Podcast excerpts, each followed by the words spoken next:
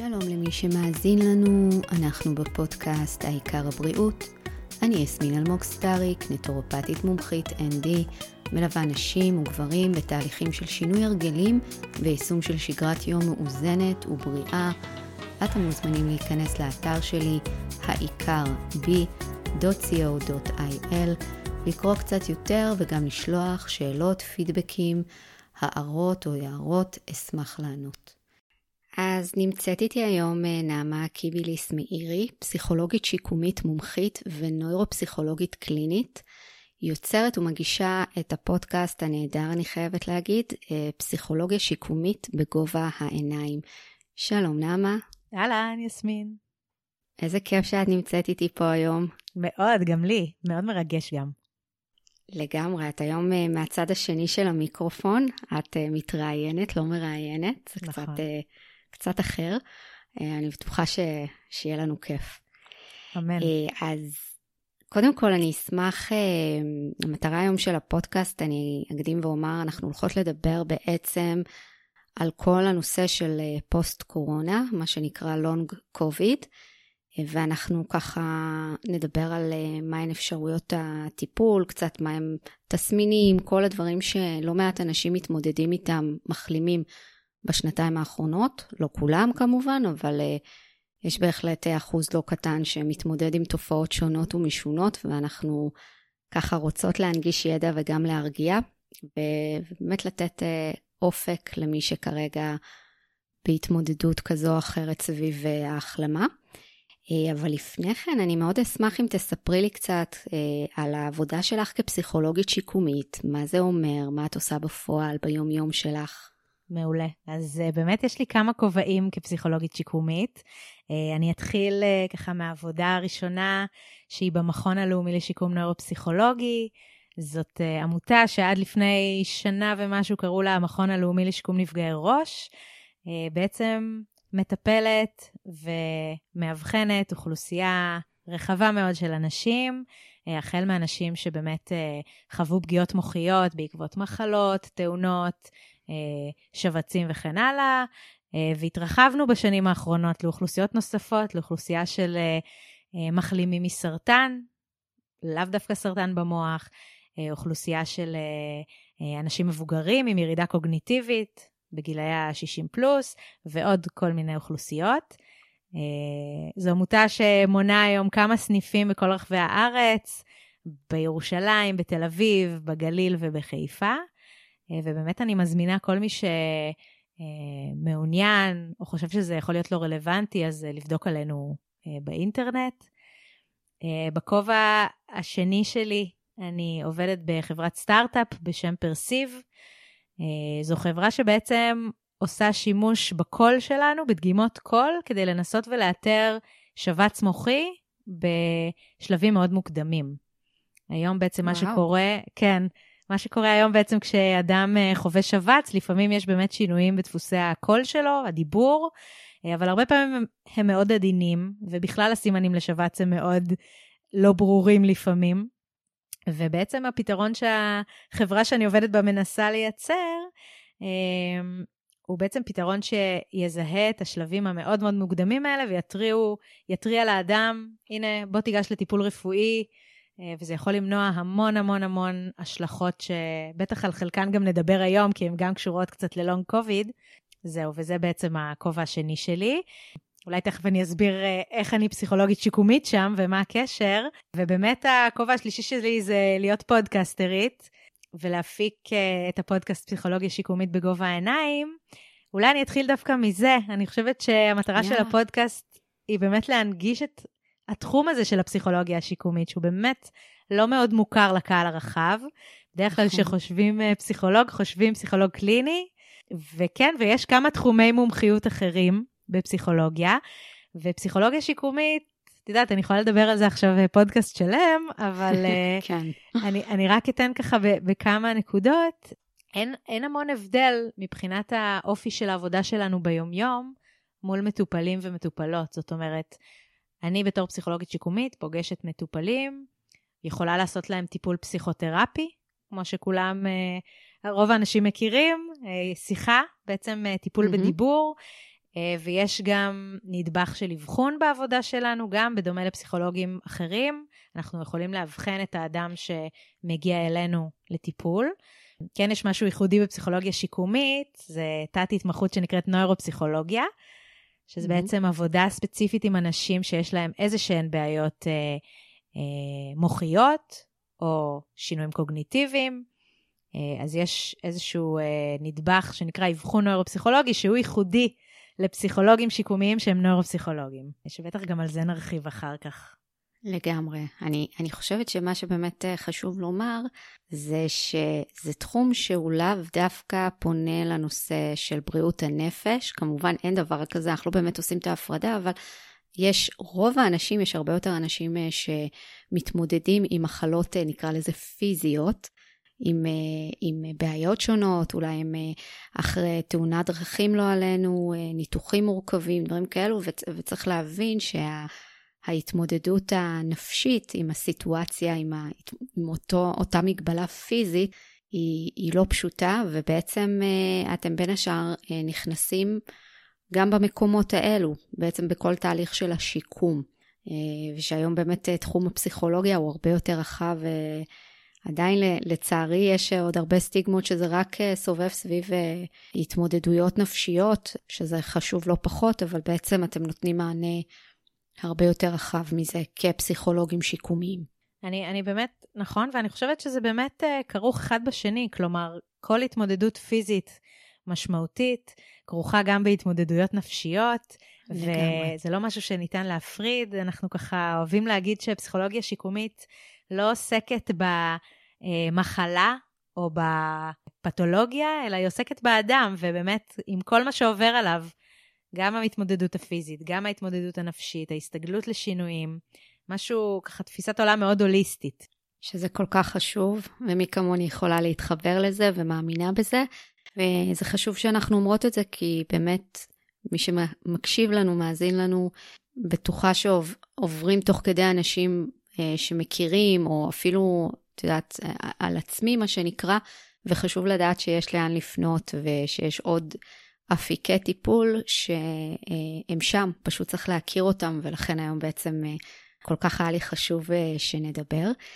אה, אז קודם כל, אני רוצה קצת ככה לתת איזשהו רקע, הסיבה שאנחנו באמת היום מקליטות את הפרק זה באמת לדבר, כמו שאמרתי בפתיח, על הנושא של הפוסט קורונה, הלונג קוביד, בעצם אנשים שמחלימים. ואחרי תקופה, עוד מעט אנחנו ככה קצת יותר ניכנס לזה, סובלים אה, מתסמינים שונים, יכול להיות שהם מתמש... מתמשכים עוד מהמחלה, יכול להיות שהם חווים סוג של התאוששות ואז מתחילים להופיע תסמינים שונים, שבאמת אה, האתגר הגדול פה זה שמדובר בקשת של תסמינים רחבה והיא לאו דווקא אם אנחנו רגילים אה, מבחינה רפואית לחלק בעיות תחת התמחויות שונות, בעצם בן אדם יכול לסבול אה, מתסמינים שמתקשרים למערכות שונות, בין אם זה יכול להיות באמת תסמינים אה, נשימתיים, קושי, של, קושי אה, נשימתי, אה, התעייפות מאוד מהירה במאמץ, עד לתסמינים אה, נוירולוגיים, אה, נוירופתיות שמופיעות, אה, וחולשת גפיים, ו, וזה ממשיך לכאבי ראש, ותסמינים קוגניטיביים, קצת הזכרת מקודם, אה, בעיות בריכוז, זיכרון, חשיבה. ובעצם יש איזשהו בליל של התמודדויות, לא כולם כמובן אה, אה, מתמודדים עם כל התסמינים שהזכרתי, אבל אה, יכול להיות בן אדם שמתמודד עם כמה תסמינים שונים, ובעצם יש מעין תחושה כזאת של רגע, מה עושים? למי אני בכלל פונה? מה, אני מתחיל להסתובב עכשיו בין מומחי ריאות לנוירולוג, למה קורה בעצם?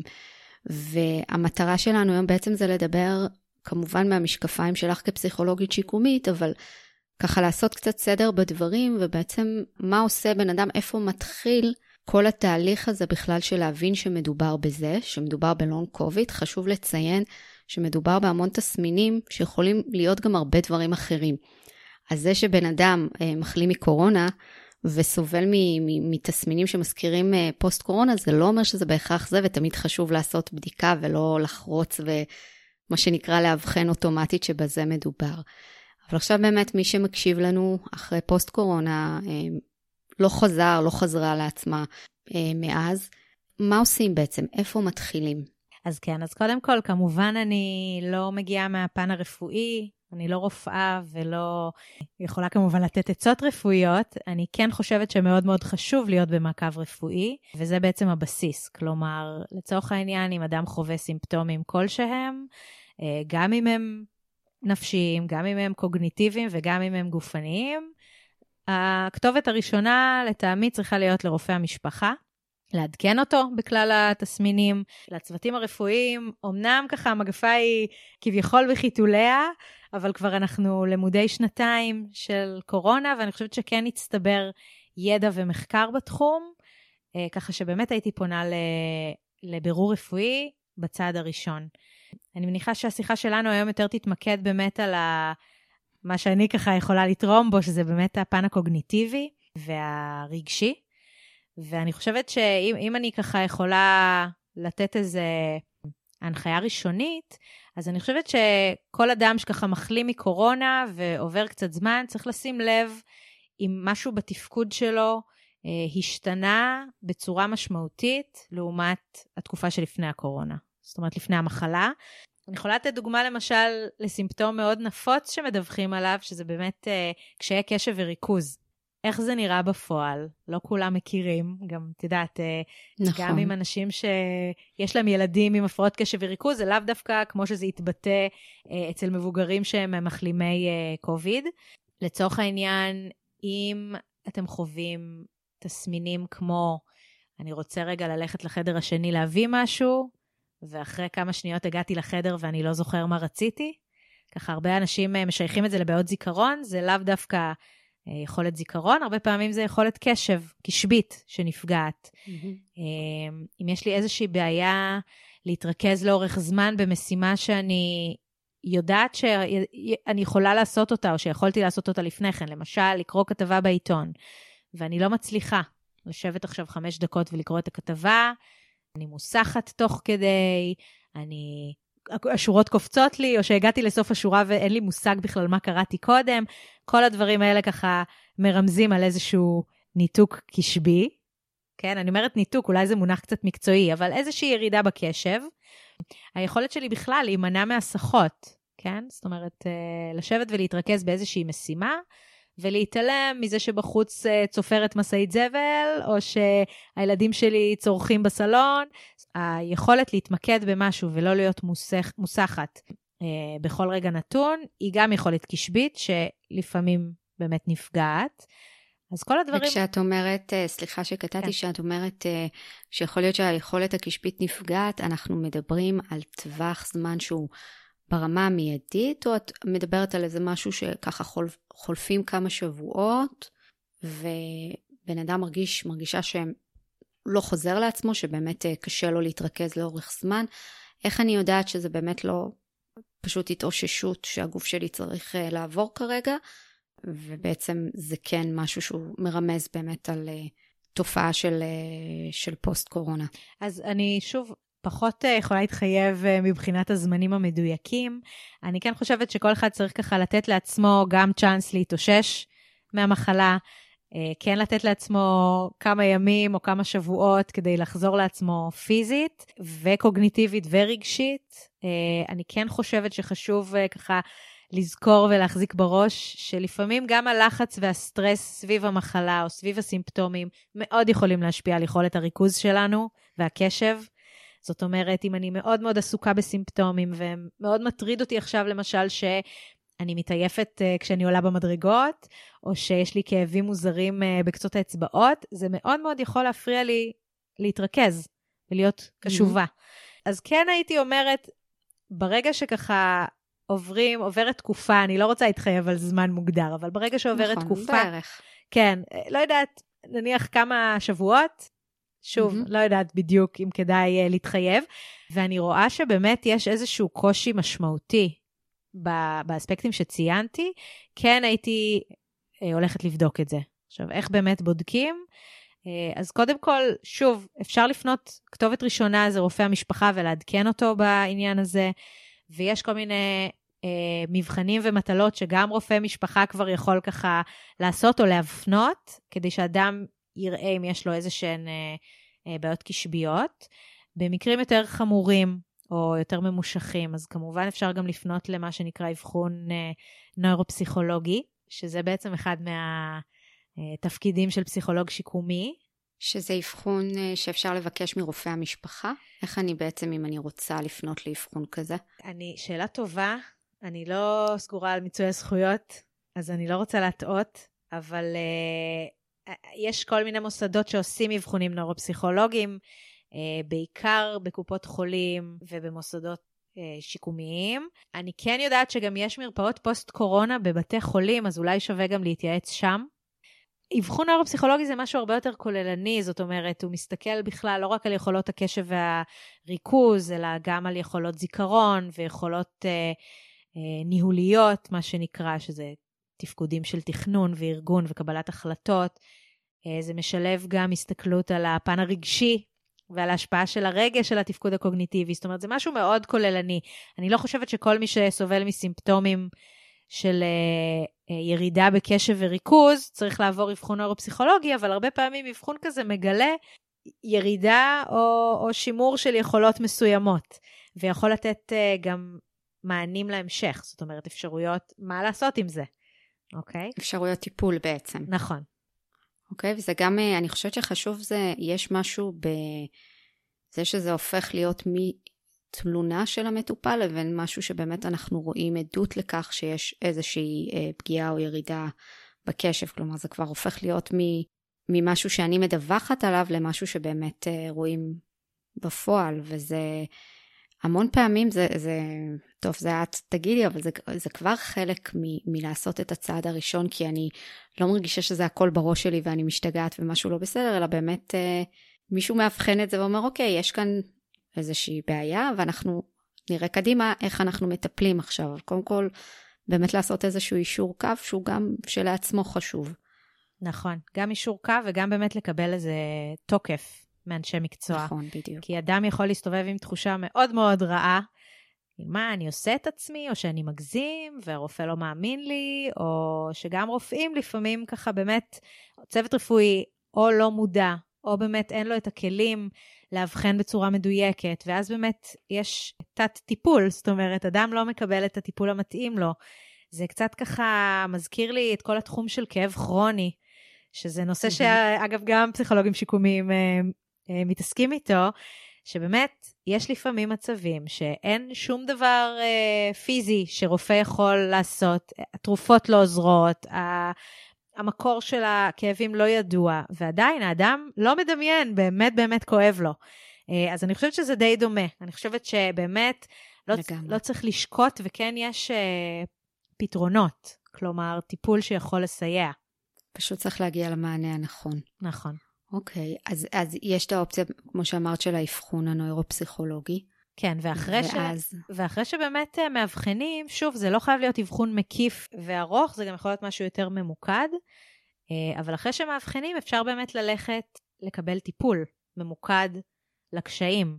לצורך העניין, אה, במכון שאני עובדת בו, במכון לשיקום נוירופסיכולוגי, חלק עיקרי מהעבודה שלנו, הפסיכולוגים השיקומיים, זה מה שנקרא שיקום קוגניטיבי. ומה זה בעצם שיקום קוגניטיבי? זה לעבוד עם היכולות הקיימות, ויכול להיות שיש קשיים, אם זה ביכולות של קשב וריכוז, אם זה ביכולות של זיכרון וכן הלאה, ולנסות לראות איזה כלים ושיטות חדשים שהאדם לומד, יכולות, יכולים לעזור לו לתפקד טוב יותר. שוב, אנחנו לא משפרים את המוח, ואני לא רוצה לצאת עם איזה בשורת איוב, זה לא שהקשב והריכוז לא יכולים להשתפר אחרי כמה זמן מבחינת ההחלמה מקוביד. יכול מאוד להיות, mm-hmm. אני, אה, אני מניחה שהמחקר, ככל שיתקדם הזמן, ידע עד כמה ההשלכות הפיכות, אבל לצורך העניין, גם אם אתם כרגע בתקופה שכן, יש ירידה בקשב ובריכוז, אז בשיקום קוגניטיבי, בעצם מה שקורה זה לא שאנחנו מחזירים יכולות חסרות. זאת אומרת, אנחנו לא משקמים את המוח אה, ובונים יש מאין, אנחנו עובדים עם מה שיש ומשנים את ההתנהגות. אני יכולה לתת דוגמה. למשל, דיברנו קודם על אה, אדם שעומד במטבח ורוצה להביא משהו מהסלון, וברגע שהוא מגיע לסלון כבר לא זוכר מה הוא רצה. יכולה ללמד אדם כזה, בוא נתרגל, אה, משהו שאולי יעזור לך. תנסה להגיד לעצמך בקול רם, בזמן שאתה עדיין במטבח, מה רצית להביא מהסלון? ויש לזה ביסוס תיאורטי, זאת אומרת, למה כשמדברים ושומעים קול, למה זה יכול לעזור ליכולת ההחזקה של המידע בזיכרון? זיכרון לטווח קצר, נכון, לא? קוראים לזה זיכרון עבודה, כן? ממש נכון, זיכרון כן. לכמה שניות. אה, וכשאדם מקבל כזה טיפ והולך ליישם אותו, קודם כל, הרבה פעמים אנשים לא מודעים לאפשרות הזאת שוואלה, זה יכול לעזור לי, אבל ברגע שהם מנסים והם רואים שזה עוזר, מעולה. אז הנה, שיפרתי את התפקוד שלי, אני כבר לא שוכחת שרציתי להביא מהסלון את הפלאפון שלי, כי דיברתי לעצמי ואמרתי לעצמי, תביאי את הפלאפון, והנה, שיפרתי אה, את התפקוד בלי לשפר איזה משהו מוחי. כלומר, שיניתי את ההתנהגות לא ריפאתי. בדיוק. פשוט. אני עובדת עם מה שיש. וכן, יש עוד הרבה כלים, כן, אנחנו, יש לנו מלא טיפים, אבל זה לא רק טיפים, זה גם תרגול. בזמן הטיפול הקוגניטיבי, כשאת יושבת אה, ככה כמטופלת עם הנוירופסיכולוגית שמטפלת בך, את, אתן גם מתאמנות. זאת אומרת, אתן מתרגלות בחדר דברים שאחר כך ייושמו בחוץ, בחיים האמיתיים. וזה חיבור נורא חשוב. סוג של פיזיותרפיה למוח. אה, נכון. אבל... קצת מזכיר. כן, כן, נכון, זה גם תרגול וגם יישום. אה, וגם חיבור למציאות, זאת אומרת, אני לא אעבוד עם אה, מטופלת שלי על משהו שהוא מנותק מהמציאות שלה. מהיכולות שלה כרגע. בדיוק, בדיוק. ובאמת אני אשאף שזה יהיה מחובר כמה שיותר לצרכים שלה וליכולות שלה ולח, ולחולשות שלה. אוקיי, okay, שזה מאוד חשוב. ש... שצריך, אולי, אולי צריך להתחיל מלהגיד שקודם כל, בכל תהליך כזה או אחר שאנחנו עוברים, צריך קודם כל לקבל את ה... את המציאות כרגע, את, ה, את מה שנקרא את ה baseline, את המצב שאיתו אני מתחילה. לא קבלה מתוך הבנה שזה המצב ואין מה לעשות, אלא בכלל להתחיל קודם כל להפסיק את המאבק הזה עם uh, חוסר הקבלה של, של המצב כאן ועכשיו. אני יכולה לתת uh, שיתוף קצר uh, על עצמי. אני חליתי בחיידק לפני כמה חודשים, שהותיר אותי עם uh, פגיעות מאוד משמעותיות, ממש ברמה של חולשת גפיים ונוירופתיה. אני תוך כדי תהליכים כרגע, גם אבחוניים והכול. ואני יכולה להגיד שפה הפרספקטיבה שלי אה, כמטפלת מאוד עזרה לי, קודם כל להתחיל לקבל את הכאן ועכשיו. אף על פי שבהתחלה כאן ועכשיו היה ברמה שקשה לי אפילו אה, לתפקד כאימא בדברים הכי בסיסיים. כאילו, להיות עם שני הילדים הקטנים שלי היה חופש גדול, אה, אה, לעשות כל מיני פעולות שגרתיות, קשה לי ללכת, קשה לי לנהוג. אה, ו... כשיש את המאבק הזה בעצם, שלא לקבל את המצב שלי, אז אני רק בעצם חופרת לעצמי מחילה יותר אה, אה, גדולה ו- ו- ולא מתפנה בכלל. הראש שלי, את אמרת את זה גם מקודם, כשאנחנו עסוקים בתסמין, וקצת האצבעות מעקצצות, או אני עולה כמה מדרגות ואני מתנשף, אין לנו בכלל את הקשב, את הפניות, באמת אה, להתרכז ב- ב- בעיקר, שזה בעצם בהחלמה. אני יכולה לה, באמת להגיד על עצמי, לא, לא, לא לדבר מגבוה, שאחד הכלים שהכי עוזרים לי להתמודד עם המצב הנוכחי שלי, שככה כל המצב שלי השתנה ב-180 מעלות, זה בעצם להגיד, אוקיי, זה, זה כרגע, ואת תעשי את המיטב עם מה שאת יכולה כרגע, ולאט לאט, עם הכלים הנכונים ועם טיפול נכון, את תתקדמי. אז זה, זה באמת חשוב קודם כל להתחיל עם זה של לא להילחם במה שהגוף כרגע לא יכול לעשות, אה, או בהבנה שזה, שזה המצב. נכון, אני מאוד מתחברת, ואני גם חושבת שהתנועה הזאת מהכאן ועכשיו וההווה, למטרות יותר ארוכות טווח, היא גם מאוד מאוד חשובה, אבל באמת היא לא תמיד אפשרית בכל שלב. יש הרבה אי ודאות, במיוחד, את יודעת, נכון. אם אנחנו מדברות על לונג קוביד, כל הנושא הזה נשמע ככה עמום לפעמים, ולאף אחד אין תשובות אמיתיות או, או ודאיות. וגם ההתמודדות עם החוסר ודאות היא מאוד מאוד קשה. נכון. אני יכולה להגיד בהקשר הזה שגם כשעושים שיקום קוגניטיבי, אה, אני לא סתם אנחנו קוראים לו נוירופסיכולוגי, זאת אומרת, אנחנו גם פסיכולוגים, ואנחנו באמת לא מתעלמים מההשפעה של הרגש על כל, כל התהליך הזה, ועל ההתמודדויות הרגשיות של מה זה אומר שעכשיו היכולות שלי ירדו או השתנו, איך אני מסתגלת למצב החדש, איך אני מציבה לעצמי מטרות חדשות, איך אני מתמודדת עם תסכול או עם עוברת תהליך של אבל. את יודעת, גם עם, גם עם הידיעה שהסימפטומים שלי הם ברי חלוף, ויום אחד uh, אני אחזור להיות עצמי, עדיין יש התמודדות בכאן ובעכשיו. והיא יכולה להיות מאוד מתסכלת ומאוד קשה, ולכן אנחנו שם, אנחנו אף פעם לא רק נעבוד, אה, את יודעת, כמו רובוטים. אה, אחרת הייתי יכולה לשלוח את המטופלים שלי לתוכנות מחשב, ולכו תתאמנו. אה, אבל לא, יש בזה מעבר, אין ספק שיש בזה מעבר. עם כל התמודדות, אני מניחה, בחיים. לחלוטין, אני, את יודעת גם, אם אנחנו נתחבר לזה רגע, נפתח סוגריים, אפשר בכלל לראות כמה אין מספיק חיבור למציאות, כי בין סגרים למשל, היינו בסגרים עם הילדים בבית, צריכים תמרן לעבוד, לחזור לעבודה וכן הלאה, ואנחנו חיים בעולם כזה שהכל צריך להיות מאוד כאן ועכשיו, הכל אינסטנט, הכל קדימה, תעמדו בקצב, לא משנה כמה המציאות כרגע מטורפת, ו, ופה מתחיל בעצם הדיסוננס, הקונפליקט הזה של... של שנייה, רגע, אבל אני, גם אם בן אדם מרגיש טוב והכל על פניו בסדר, אנחנו לא מבינים שהגוף שלנו, המכונה המופלאה הזאת, לא בנויה לעבור בצורה כזאת חדה ממצבים ובכלל לקבל, קצת להיות בחמלה לעצמנו ובהבנה ששנייה, צריך גם להסתגל.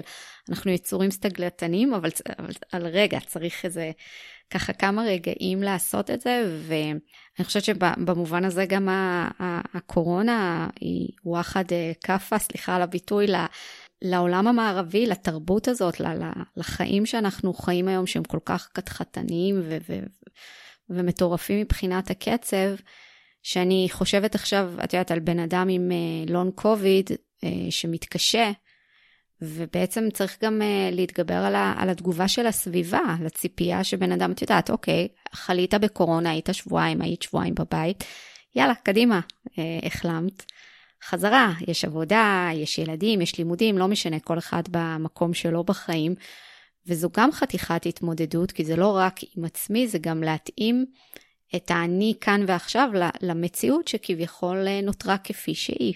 נכון, זה, זה מאוד מחבר אותי באמת לעוד נדבך בפסיכולוגיה השיקומית ובכלל בשיקום, ששיקום זה תהליך מאוד ממושך. והוא לא נגמר, אנחנו תמיד אומרים את המשפט הזה, גם בפודקאסט שלי, זה אחד, אחת הסיסמאות, השיקום לא נגמר כשמשתחררים הביתה מבית החולים לצורך העניין. אה, וכן, הוא גם לא נגמר כנראה כשהבדיקת אנטיגן שלך אה, חוזרת שלילית. יש השלכות, השלכות שהן ארוכות טווח, יש הסתגלות שהיא עשויה להיות ממושכת, זאת אומרת, גם מי ששובר את היד לצורך העניין, ומורידים לו את הגבס, והנה, בוא תחזור כרגיל, ייקח לו קצת זמן גם לאבד את כל מה שהוא עבר, לאבד בעין, גם להסתגל למצב החדש, גם אולי יש עדיין השלכות. אה, אני חושבת שבאמת בלונג קוביד, זה ככה קצת מזכיר לי אה, הרבה פגיעות שנקראות פגיעות שקופות. לא רואים עליך, כן? זה לא שאתה עכשיו אה, צולע, או הולך עם קביים, או לא יודעת מה.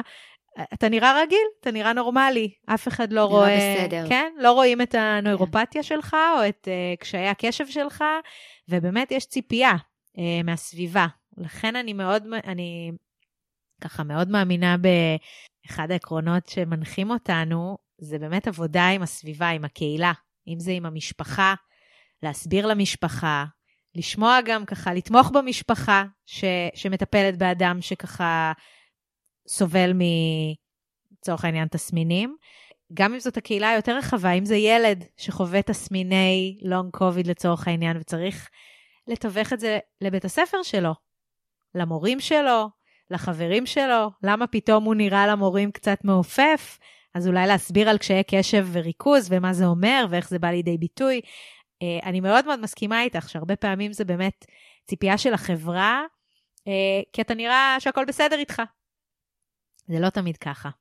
ואז בעצם גם uh, הולכות, הולכות אנרגיות מיותרות לנסות גם, עוד פעם אנחנו חוזרות למקום גם של הקבלה, של לקבל שאני כאן ועכשיו, ואז יש איזשהו ניסיון שהוא אבוד מראש, ליישר קו עם, ה, עם הסביבה, של הנה, אני, אני מתפקדת, הנה אני עושה, וזה רק בעצם מחמיר את המצב.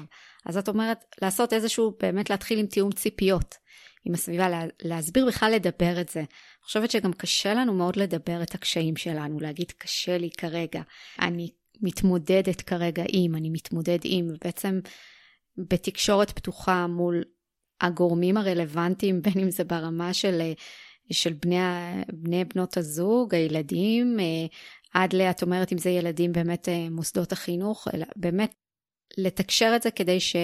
שגם הסביבה תכיל יותר, וזה בעצם חלק מתהליך ההחלמה. נכון, וגם חשוב לי לציין שגם לא תמיד האדם יודע איך באמת יהיה לו בחוץ, במציאות.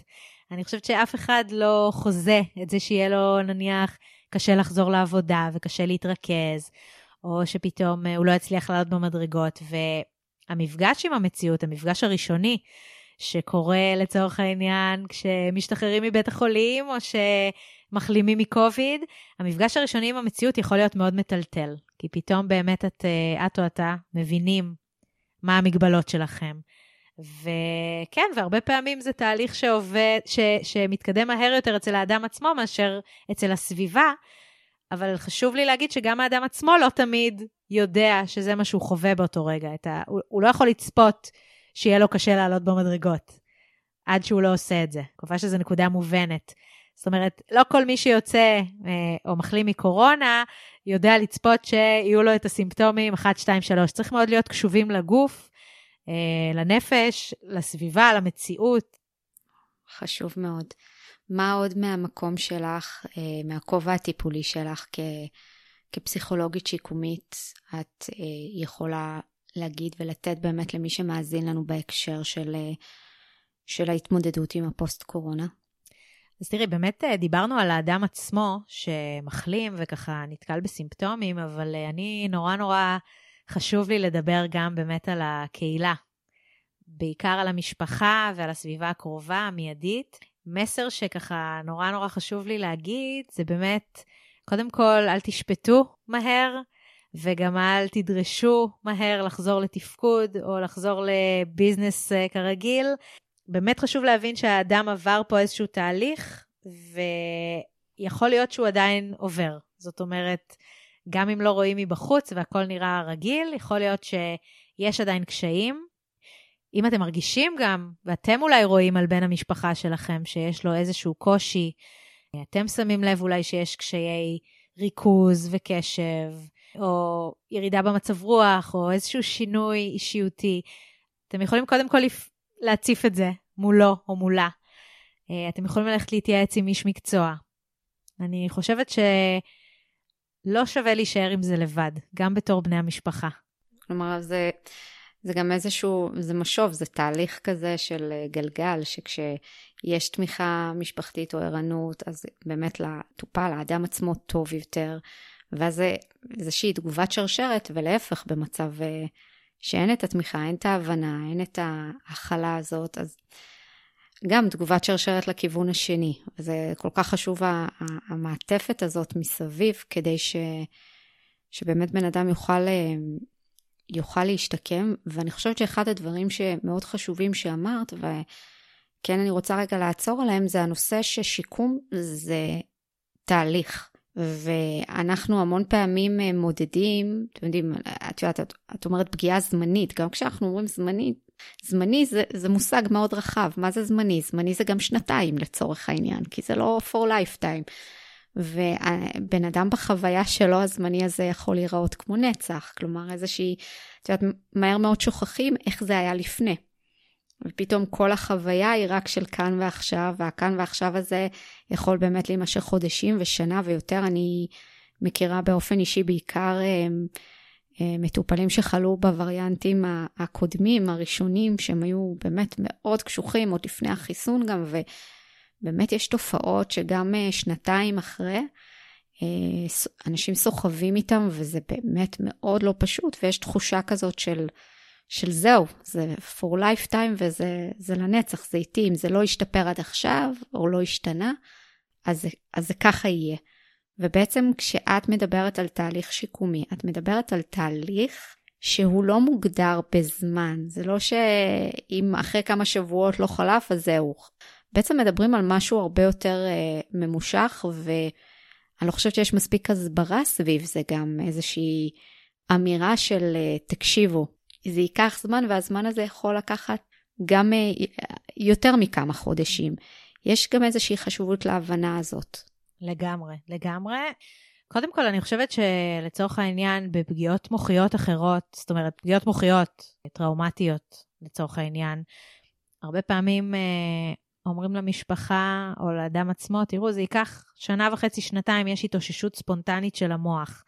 וזה נשמע כמו איזו תקופה, באמת, אה, מה שנה וחצי, שנתיים עכשיו? זה נשמע מעבר להרי החושך. המון. אבל באמת זה נורא נורא חשוב לדעת איזשהו סדר גודל של כמה זמן עכשיו מצפה לי השיקום. עכשיו, לצורך העניין, בפגיעות מוחיות זה ממש לא מסתכם בשנה וחצי, שנתיים, כי הרבה פעמים השיקום ממשיך לכ- לכל החיים, כן? כן. בקוביד, אני חושבת, קודם כל, יש עכשיו באמת אי-ודאות, אף אחד לא יודע להגיד, כן? אנחנו לא יכולים להתחייב על מספר, לא יכולים להתחייב על uh, מה יקרה, האם זה ישתפר, האם זה ייעלם. אני חושבת שיש פה איזשהו מין, uh, כמו שאמרנו, אי-ודאות, uh, וגם איזושהי, איזשהו ערעור של תפיסת הבריאות שלי, כן? עד לפני uh, חודשיים הייתי אדם בריא. הנה, חטפתי את הקוביד, ומשהו התערער, אז זה גם מוסיף לחרדה, אני חושבת. ברגע שהככה, ידיעה הזאת שאני לא אהיה בריאה לנצח, או שאף אחד לא יכול להבטיח לי שאני אהיה אישה בריאה, אה, יש בזה משהו מאוד מערער. אנחנו רוב הזמן, אה, את יודעת, מכחישים את האפשרות שנהיה מאוד חולים. בעיקר כאנשים צעירים, דרך אגב. את יודעת, אנחנו המון מתמקדים באוכלוסייה בסיכון, אבל אנחנו יודעים שגם אנשים צעירים שלא באוכלוסייה בסיכון, שחלו בקוביד, סובלים מלונג קוביד, וזה באמת חתיכת טלטלה, כי בן אדם שהוא בשיא המרץ שלו, ו- ו- ועובד, ו- ועושה, ובונה את עצמו, ו- וכן הלאה והלאה, פתאום בבת אחת, fuck, זו מכה ו... נכון, נכון. אז זה באמת מאפיין ככה, את יודעת, הרבה... הרבה מטופלים אצלנו, ב, ככה, במטופלים שיקומיים, שבאמת המכה הגיעה out of nowhere, mm-hmm. אי אפשר היה לצפות אותה, היא הגיעה ברגע, והיא מערערת. וצריך גם להיבנות סביב זה, לראות איך חיים לצד החרדה הזאת, איך ממשיכים ומסתגלים לחיים, לחיים הנוכחיים, וחיים אותם בצורה הכי שלמה והכי מלאה שאפשר, בהינתן הנסיבות. כן. יש איזשהו ככה, תוך כדי טיפ שעולה לך, או איזושהי הכוונה כללית אפילו, למי שמקשיב לנו כרגע ובאמת ממש נמצא בסיטואציה הזאת, בקושי הרגשי, ההתמודדותי, ההתמודדותי המאוד גדול הזה עם, ה, עם המצב הזה, עם, ה, עם הבבת אחת אה, המצב שלי משתנה. מה, איפה בעצם אפשר אה, להתחיל או ככה לקבל איזשהו חיזוק כדי להתמודד נכון יותר בתהליך ההחלמה? אני חושבת ככה מהניסיון שלי, שהרבה פעמים יש אנשים שעוזר להם לשמוע שהם ממש לא לבד, כלומר, שיש עוד הרבה אנשים שמרגישים ככה ומגיבים ככה וזה לגיטימי. בעיקר לקבל לגיטימציה, שהתחושות שאתה חווה הן אמיתיות, אף אחד לא יכול להגיד לך, אף אחד לא יכול להגיד שהן אה, מוגזמות. כל תגובה היא לגיטימית, אני חושבת שלשמוע את זה נורא נורא עוזר. אני חושבת שלנסות ולראות מה הדברים שכן עוזרים לך או לך כרגע בהתמודדות זה נורא חשוב. לא תמיד יהיו לך את הרעיונות, יכול להיות שבאמצעות איש מקצוע תוכל לחשוב על איך למלא כרגע את החיים שלך בעשייה או במשמעות. או אפילו באיזושהי רווחה לפחות בינתיים. אה, יש פעמים שגם נציע למטופלים ולמטופלות טיפול פסיכיאטרי. כלומר, אם החרדה כרגע מציפה, או שאדם שוקע בדיכאון, שוב, הכל לגיטימי, אבל באמת יש אפשרות לקבל טיפול תרופתי שיכול להקל ולעזור לצלוח את התקופה הקשה הזאת. זה לא קללה טיפול פסיכיאטרי. אנשים שזה, לא. שזקוקים לזה, זה מאוד מאוד יכול להיטיב איתם. באמת, אה, משהו שהוא ככה, מענה שהוא הוליסטי. זה לא רק שיחות בחדר, זה גם לצאת החוצה, אה, לראות איך אפשר ככה לתת לך מענה, אם זה בשאר אה, סקציות הרפואה וגם למשפחה שלך, גם אולי לתווך את הדברים מול העבודה או בית הספר, כמו שדיברנו. לא רק להישאר עם המצוקה של האדם בחדר, אלא ככה יותר לצאת החוצה לעולם שלו. אז בעצם לעשות את הצעד הראשוני וקודם כל באמת לפנות לטיפול.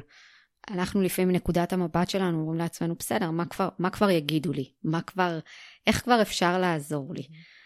ובעצם את מהניסיון שלך באה ואומרת, יש הרבה מה לעזור, לא, אנחנו לא יכולים לחשוב על הכל, בשביל זה לכל אחד יש את המקצוע שלו. בעצם להתחיל קודם כל מלקבל את ההכרה הזאת, ש, שזה בסדר להיות כרגע במצב הזה, וזה זה, זה אפילו מאוד מובן. אני חושבת שאם יש משהו שגם מייחד את הקורונה, זה שיש לצערנו כל כך הרבה שמתמודדים, כל אחד בהתמודדות האישית שלו, אבל זה באמת עובדתית, אתם לא לבד. לא סתם יש לזה כינוי ללון קוביד, מה שנקרא פוסט קורונה. יש, אנחנו רואים עוד ועוד עדויות שמצטברות אה, מאנשים שמחלימים, אה, שמתמודדים עם זה. טוב, אז uh, אני מקווה שמי שהאזין לנו היום ככה קיבל לפחות את הכלים הבסיסיים uh, איך להתמודד, מאיפה להתחיל בכלל uh, עם כל הנושא של uh, פוסט קורונה. מי שסובל, סובלת כרגע, קודם כל לא צריך לסבול, יש לאן לפנות, ותעזרו בפסיכולוגיה השיקומית. בתחתית הדף יהיה גם קישור לפודקאסט הנהדר של... נעמה, וגם uh, ככה uh, מי שרוצה קצת uh, לקרוא יותר ולהכיר יותר לעומק, ובאמת uh, אולי אפילו נשים גם קישור למרכז ש, שנעמה עובדת בו, וככה תוכלו להיכנס ולקרוא יותר. אז uh, אני קודם כל רוצה להודות לך, נעמה, שהיית איתי פה היום. תודה, יסמין, היה כזה כיף. לגמרי, ואני...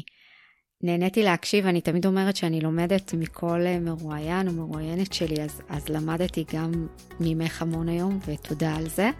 למי שמקשיב לנו, אני אאחל לכם אה, המשך אה, חורף בריא, ותרגישו טוב, ואל תישארו לבד. אם אתם צריכים, תפנו לעזרה. תמיד יש מה לעשות, וזה חשוב לשמור על האופטימיות ועל האופק פתוח. אז עד לפעם הבאה, תשתמע.